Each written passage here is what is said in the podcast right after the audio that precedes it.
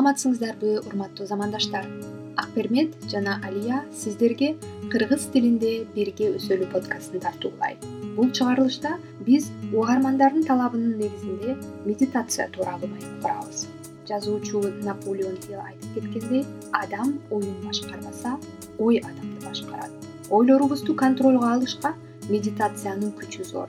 Маегибизде биз медитация бул эмне экенин жана анын пайдасын талкууга алабыз. Андан соң медитацияга шарт түзүүнү айтып беребиз жана ошондой эле подкасттын акырында чогуу кыскача медитация кылууну сунуштайбыз. Анда эмесе угууңуздар кызыктуу болсун. Келиңиздер бирге өсөлү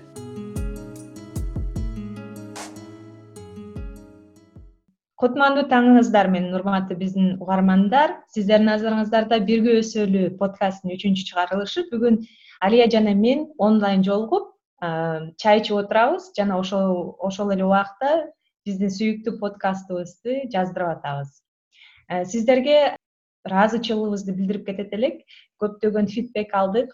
Ошол себептен алия интродакшнда айтып кеткендей бүгүн биз медитация жөнүндө маек курмакпыз алия кош келдиң салам бермет. Бүгүн биз бүгүнкү биздин чыгарылышта биз кыска нуска менен баштайлы деп чечтик. Анткени ошол себептен сенин суроолоруң даярбы? Албетте. Анда кеттик мен да даярмын. Эң жакшы. Коронавирус карантинине байланыштуу сенин күнүмдүк жашооңдо кандай позитивдүү нерселер пайда болду? Көп нерсени кыла баштадым мисалы үчүн э, чердактагы көп нерселер жаткан ошолордун баарын жыйнап чыгып үйдөгү оокаттарды көп кылып алдым. Жана ошол ошондой эле өзүмө көп убакыт ошол мага пайдасы болду. Позитивдүү нерселер бар экен э? Эң жакшы андан кийин экинчи суроо сен достуктун чындыгын кантип билесиң? Менин оюм боюнча достуктун чындыгы бул убакыт ошо достукка берилген убакыт ошол убакыттын дагы квалитети жана бири бириң менен сүйлөшкөндө ачык сүйлөшүү мага эң негизги баягы критерийлердин бири болуп саналат да. Мисалы үчүн мага дос дос күйдүрүп айтат деп айтат го баягы кыргыздачы ошол себептен ачык сүйлөгөн жана сен үчүн ачык болгон адам бул мага эң негизги нерселердин бири болуп эсептелинет. Жакшы жакшы. Сен алия эмнеден коркосуң? Эң кичинекей кезиңден эмнеден коркчу элең? Азыр ошол коркунуч сезим дагы эле барбы? Ошол сезим бойдон калдыбы? Же ал коркуу сезим өзгөрдүбү?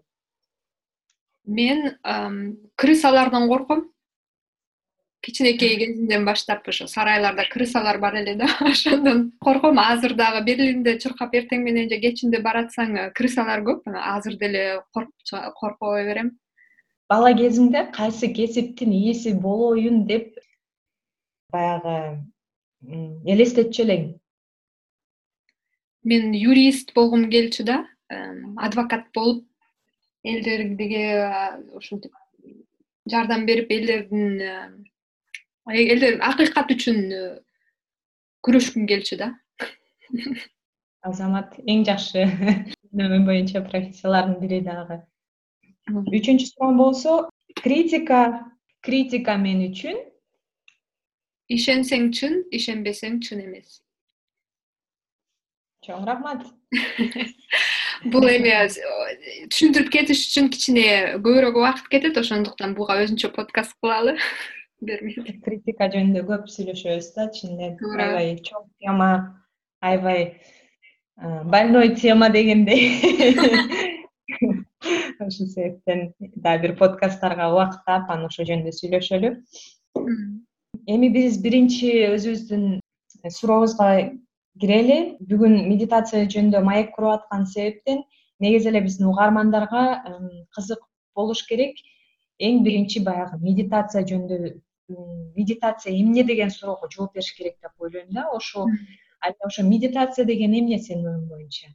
Э, медитация негизи эле ушу чыгыш өлкөлөрүнөн келет деп түшүнүп келем. Мен ушинтип окушум боюнча дагы ушу япония кытай вьетнам же болбосо таиландтан келет да. Албетте бул бул өлкөлөрдө медитация дин катары каралып келет андан башка да башка ритуалдар бар.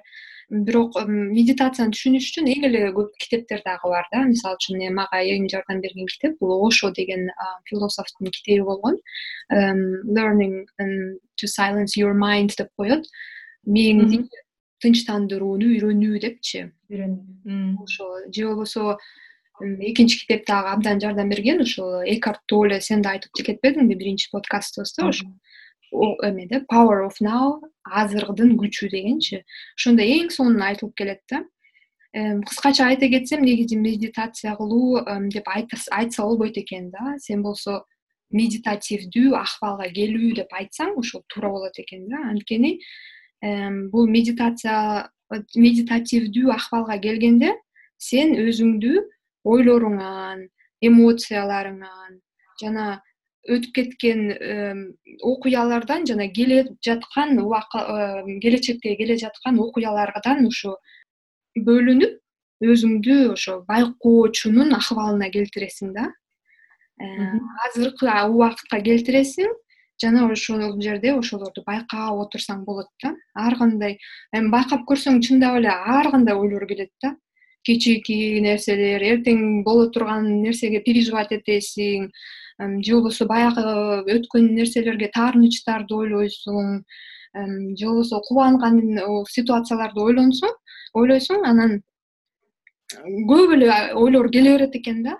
Негизи окуп келсем ушул адамдар күнүнө алтымыш миң жетимиш миң ойлорду ойлойт экенбиз да. Бирок ошол ойлорду ойлоп атам деп бермек сен анча энергия кетет э ошого? Ар бир ойлорду билбейсиң да туурабы көп болсо эки үч процентин эле билишиң мүмкүн. А калгандары бүт мындай автоматта да автопилот.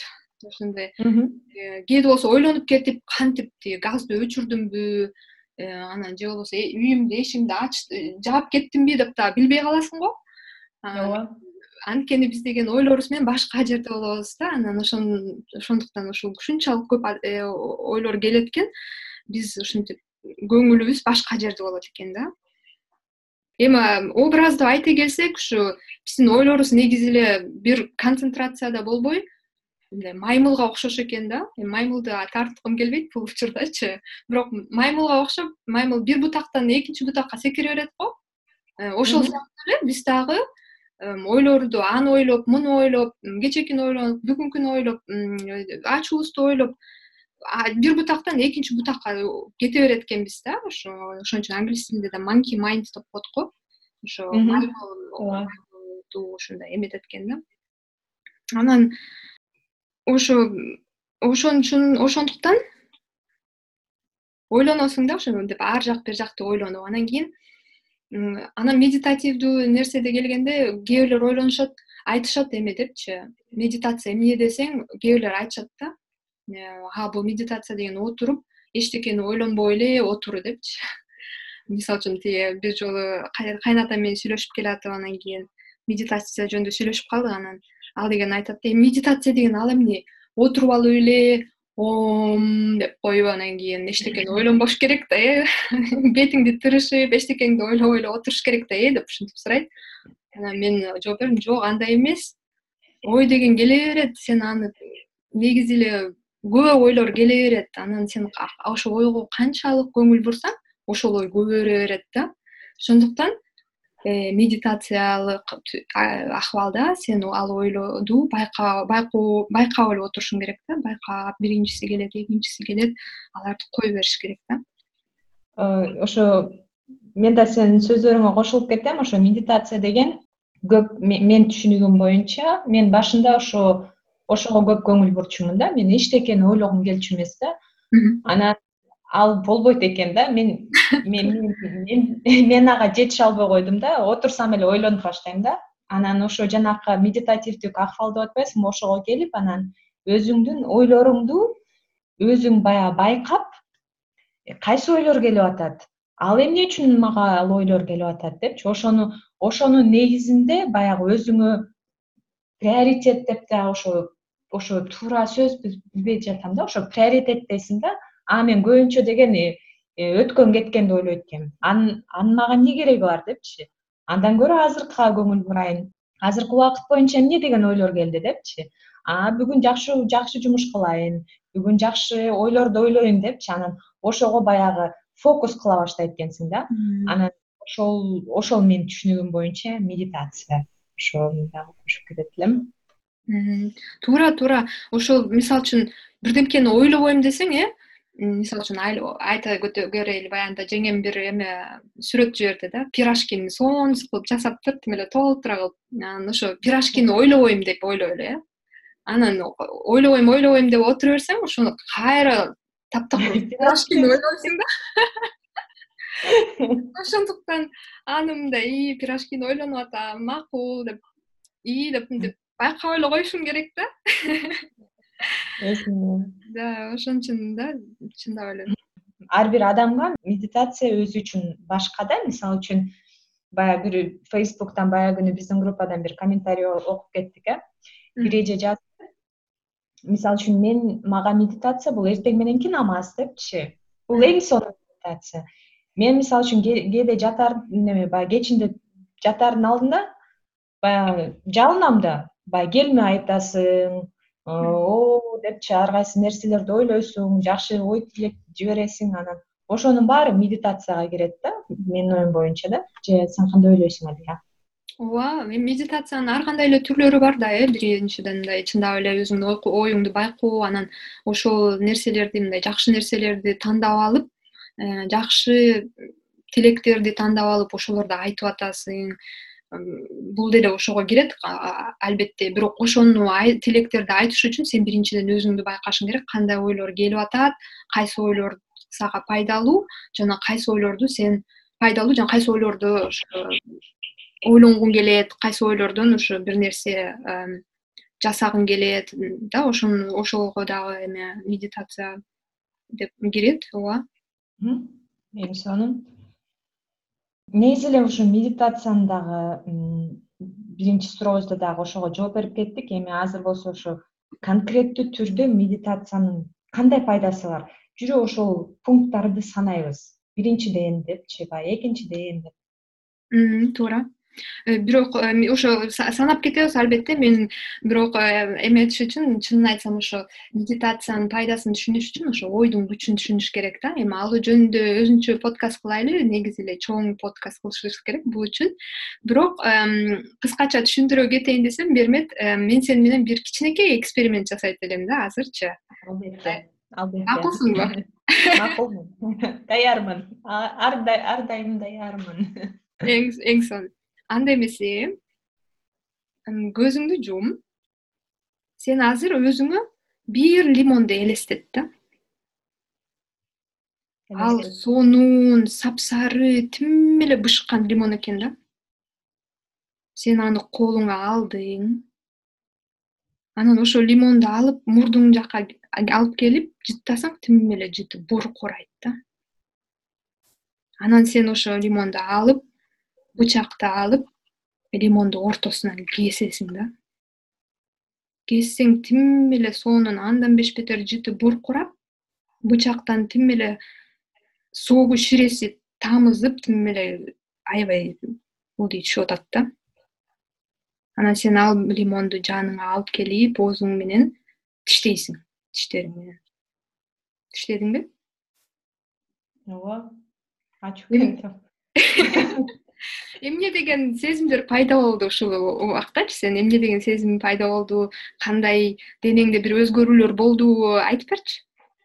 Жа лимонду кесе баштаганда эле жыты барго мен баягы кээде неме голода бир күн голодание кылам да бир күн голодание кылып анан ошо кечинде тиги бир күн эчтеке жебей анан кечинде бир литр суу лимон менен ичем да анан ошону элестетип кеттим да анан ошонун даамы келип кетти да оозумачы. Анан ошону көп жакшы көрбөйм да. Анан ошону ошо жыты келгенде баягы денем кичине неме кыймылдап кетет да кадимкидейчи. Анан ошо кыймылдап кадимкидей могу неме шилекейиңди жуткандайчы кыйналып кеттим шилекей пайда болду. Э шилекей пайда болдубу ушул моментте? Пайда болду ии пайда болду. Анан ошо келип кетти э ачуусунан ооба бул деген ойдун күчү да. Көрдүңбү сен бир гана ой менен эле өзүңө физикалык акыбалыңа денеңе бир реакция келди да. Түшүндүңбү түшүндүм түшүндүм. Ошондой эле жаман ой адамдарга денесине чоң таасир чоң стресс болот да. Жаман ойлогон сайын сен адам өзүнчө эле сактануу модуска келип э, же күрөшүп жиберейин же болбосо качып ооба билесиң да э фриз эмне эле fight flight freeze деп коет го англис тилинде. Күрөшүп кетейин же болбосо качып кетейин же болбосо өлүмүш болуп жатып калайын депчи. Ошол негизи эле денебиз уже ушул сактануу модуска келип мындай аябай гормондорду чыгара баштайт экен да жанагы кортизол деп коет го стрессовый гормон. Ошо жаман ой айтаарым келгени ушул жаман ойдун же негизи эле ойдун күчү да денебизге нервный системаларыбызга жана эмеге да ошо негизи эле акыбалыбызга өзүбүздүн ойлоо жүгүртүүбүзгө ушундай чоң таасири бар да. Анан медитациянын таасирин түшүнүү үчүн ушуну түшүнүш керек да негизи эле ушул көптөгөн бул деген жаңы жалаң эле дин деп кетпедикпи бирок бул деген медицинадагы абдан каралган нерсе да. Э, медицинада канчалаган случайлар болгон. Адамдар медитация аркылуу өздөрүн эме ден соолугун жакшырткан баса албай адаган баса албай калган адамдар баса баштаган да ошону э, далилдеп чыккан бир эменин китебин да окуп жүрөм мен ошо джо диспенса деп аталат да. Мен мен да көчөнү окуп бүттүм ошонун неме аудио китебин окуп бүттүм кайсынысын окуп атасың ноес иш дегенчи анысын мен окуп алыптырм эң сонун жакшы экен аябай жакшы экен. Мен ошо китептеринен ошо дубис плацебо деген ошо э, сен плацебосуң деп анан ошондо далилдеп чыккан да чындап эле жанагындай сканер болот го жана мээни э, сүрөткө тартканчы. Анан медитациянын э, негизи ошол убакта кандай өзгөрүлүштөр бар болот экенинчи? Бул жазуучу жана доктор да джо диспенса өзү парализ болуп жатып калган анан өзүн болсо медитация аркылуу бутуна тургузган да. Кадимкидей эле басып жүрөт ойдун күчү менен өзүн ойдун күчү менен медитация аркылуу да анан ошон үчүн эң пайдасы ушу физикалык акыбалга өзүң күнүмдүк жашоого биринчиден айтып кетет элем да эмеси пайдасы. Мен да ошо медитация боюнча айтып кетет элем да мен менин мигреням бар да. Кыргызчасы шакый деп коет аябай башым көп ооруйт да компьютерде көп отурганда ошо көптөн бери врачыма барам да неме невропатологко анан ал айтат бермет дейт сиз ошо медитацияны көп кылыңыз йоганы көп кылыңыз депчи анан ошо медитация кылганда дагы баягы туура дем алганды үйрөнгүлө депчи. Ошол дагы аябай жардам берет деп. Анан ошо ошону дагы ошон үчүн дагы мен дагы ошого да кызыга баштагам да. Анан ошол пайдасы көп эле башым эми баягы айта албайм спорт дагы кылып атам баары баары баягы комплексный неме да баягы бул деген айыгуу деген нерсе комплексный задача го. Мен медитация деген ошо комплексный задачамдын биринчи пункттарынын бири болуп эсептелинет анан ошол себептен пайдасы көп эле сен айтып кеттиң мына немис докторлору ушуну эме рекомендация кылып сага сунуш кылып атат э бул жерде айта кетсең ушу медитацияны кыла турган адамдарды билесиңби? Көп эле ушул немис же болбосо сенин араңда жумуш эме коллегаларың да жумушта ушу медитация жөнүндө көп эле тема болобу бул ушул күнүмдүк э, жашоого киргизилген нерсеби негизи? Биздин жумушта мисалы үчүн биздин офиста аябай медитацияны ушу ушул жылдан баштап биз аябай неме жумушубузга киргизе баштадык мисалы үчүн биз бир жумада бир жолу баарыбыз жолугуп туруп анан жана э, групповой медитация кылабыз да баягы баарыбыз тең эле бат кылыш керек эрте кылыш керек жетишиш керек деп эле баягы аябай моундай спидте аябай жүрөбүз го мындай бат кылыш керек бат кылыш керек деп. Анан ошол себептен ошо бир жумада баарыбыз бир жолугуп ошо только медитацияга көңүл бурабыз да отуз мүнөт медитация кылабыз анан ошондо ар кандай медитациянын түрлөрүн колдонобуз да. Анан ошо биринчи мына жаңы эле баштап келатканбыз анан коронавирус болуп неме болуп карантинге кетип калбадыкпы? Анан онлайн кылсак че то окшошпой койду да анан ошо чогуу отуруп музыканы коебуз анан баягы биринчи дем алган дем алабыз. Андан кийин ошо ар ким өзүнүн оюна кетип анан ошо отуз мүнөт эчтекени баягы өзүңдүн ойлоруңду жөн эле байкап турасың да. Андан кийин анан иштей баштайсың. Менин оюм боюнча биздин офиста аябай күнүмдүк нерсеге киргизилди.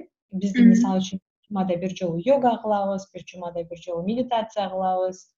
Анан бул аябай жакшы нерсе деп тастыкталып чыккандыктан ошо биздин шефтер ушул нерсени э, күнүмдүк э, жашоого киргизгенге дагы э, аракет кылып атат да ошо айта келсек мына күнүмдүк жашоого жардам берет экен. Экинчиден стрессти азайтат экен э? Анан мен үчүнчүдөн айта кетсем ошо креативдүү адамдар дагы көп медитация кылышат да ошо креативдик потенциалды чоңойтот да булчу медитация. Ошо анткени сен деген ойлонуп ар кайсы ойлорго берилип кетпей бир ойго концентрацияга аракет кыласың да. Ошондуктан көп креативдүү жана фирманын башчылары ушу медитацияны кылат экен да анан. Бүгүн интернеттен карасам көп эле адамдар кылышат экен да мисалы үчүн битлз. Битлз да кылат экенби битлз стив джобс анан баскетболист бар го байкуш каза болуп калды коби брайант. Э, анан альберт айнштайн да кылчу экен да керек болсо тиги медитациянычы э, айта келсең тиги тизмеси чоң эле экен да. Көптөгөн креативдүү жана адамга таанылган адамдар ошо белгилүү адамдар э? Белгилүү адамдар кылышчу экен да ошо медитациянычы кылышат экен. Анда эмесе бермек ошо медитацияга кантип даярдык көрсөк болот ар бир адамдын эми күнүмдүк турмушу башкача кээ бир адамдар шаарда жашайт. Кээ бир адамдар айылда мисалы үчүн кыргызстанда айылда жашаган адамдар баарыбыздын эле күнүмдүк жумуштарыбыз көп. Адам кээ бирлердин балдары бар чоң э, үй бүлөлөрү бар. Эми ошого ар бир адамга кантип кандай сунуштарды кылат элек да ушу даярдык көрүш үчүн. Эмне болуш керек? Кандай шарт түзүш керек медитацияга? Эми медитация деген баягы өзүң менен өзүң убакыт өткөрүү болуп атпайбы. Ошол себептен баягы түшүнөм. Ар бир адамдын э, өзүнүн ситуациясы башкача болот. Бирок эми мисалы үчүн медитацияны баштаганда мисалы үчүн кыргызстанга э, мисал кылып айтып кетсек э, балдарың мисалы үчүн бир эжени алалы да үч баласы бар. Эже медитация кылгысы келип атат ошо өзү менен өзү кичине убакыт өткөргүсү келип атат. Ошо эжеге биз баягы сунуштайт элем. Ошо мисалы үчүн балдары бир убакытта турат да. Мисалы үчүн беш ой алтыда же жетиде турса ошо э, кичине дагы бир жыйырма мүнөт эртерээк туруп ошого даярдык көрүпчү ошо жыйырма мүнөттөн же болбосо он мүнөт кичине эртерээк туруп эле ошо же болбосо баягы өзү менен өзү кичине жакшы ойлорду ойлоп визуализация кылып ошо он мүнөттөн баштаса абдан жакшы болмок да. Анан ошо ошентип даярдана башташ керек да. Конечно биз өзүбүздү баягы биздин айлана чөйрөнөдөн бөлүп алып эле мен медитация эле кыла алам деген болбойт конечно. Бирок ошого биз флексибл карашыбыз керек да. Окей деш керек.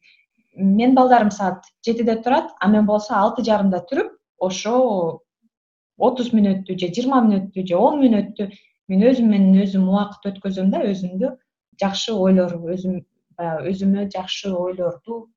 Ошондой даярдык менен башташ керек деп ойлойм да дагы ошо э, сен айтып кеттиң ушу жалгыз болуш керек э адам жалгыз баш бир комнатада отуруш керек э. Ооба.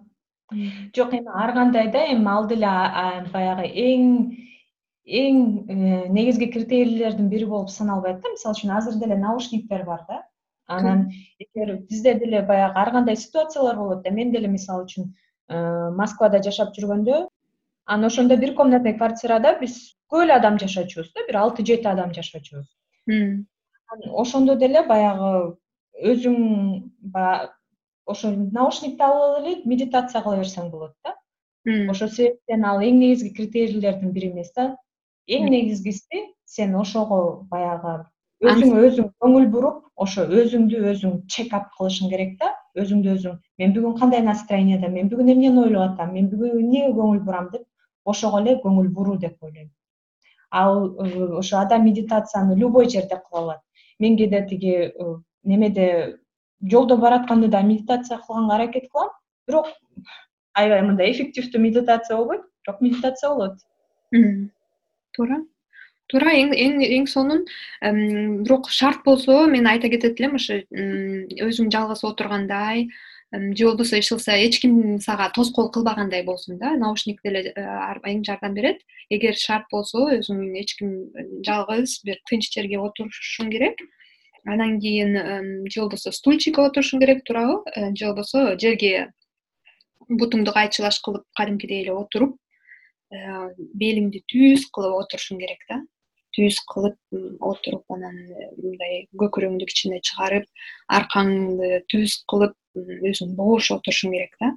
Же болбосо бутуң тизелериң ооруса ошо стульчикке отурасың.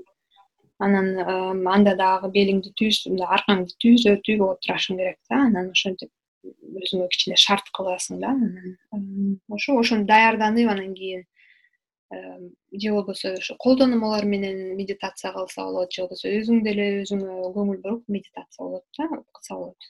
Ошо биздин аягында ошо кичинекей медитация сунуш кылабыз. Эметип кылып көргүлө кандай кандай сезимдер болот экенин кандай э, таасири бар экенин өзүңүздөр дагы байкап көрсөңүз болот да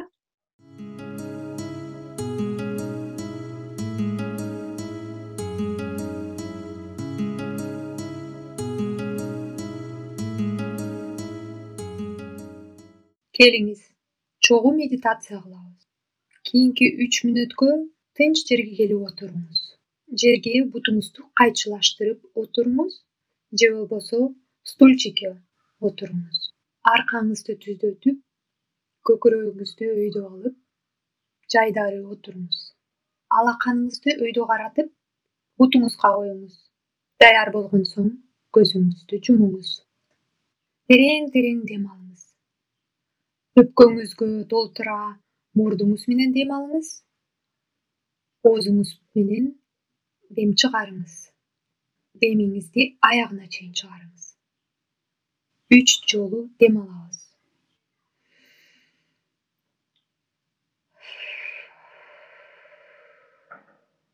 Бир.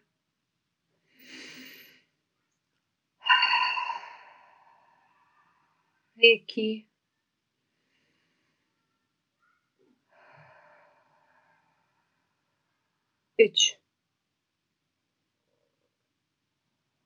өзүңүздүн табигый демиңизге келиңиз.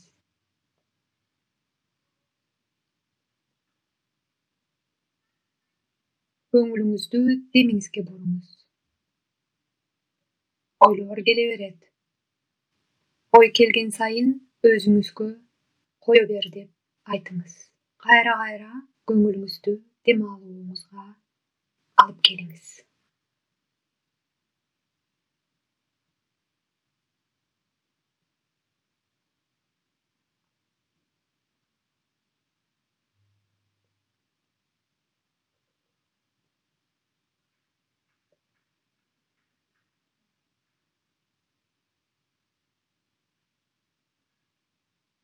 Ойлоруңузду кое бериңиз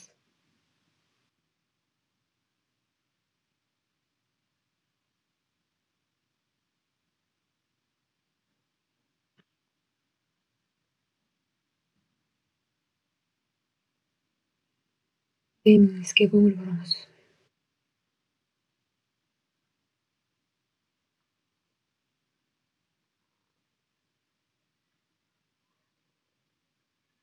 өзүңүзгө ыраазычылыгыңызды билдириңиз. Сиз өзүңүзгө үч мүнөт алдыңыз. Өзүңүзгө рахмат айтыңыз. Ар дайым аман болуңуз даяр болгон соң көзүңүздү ачыңыз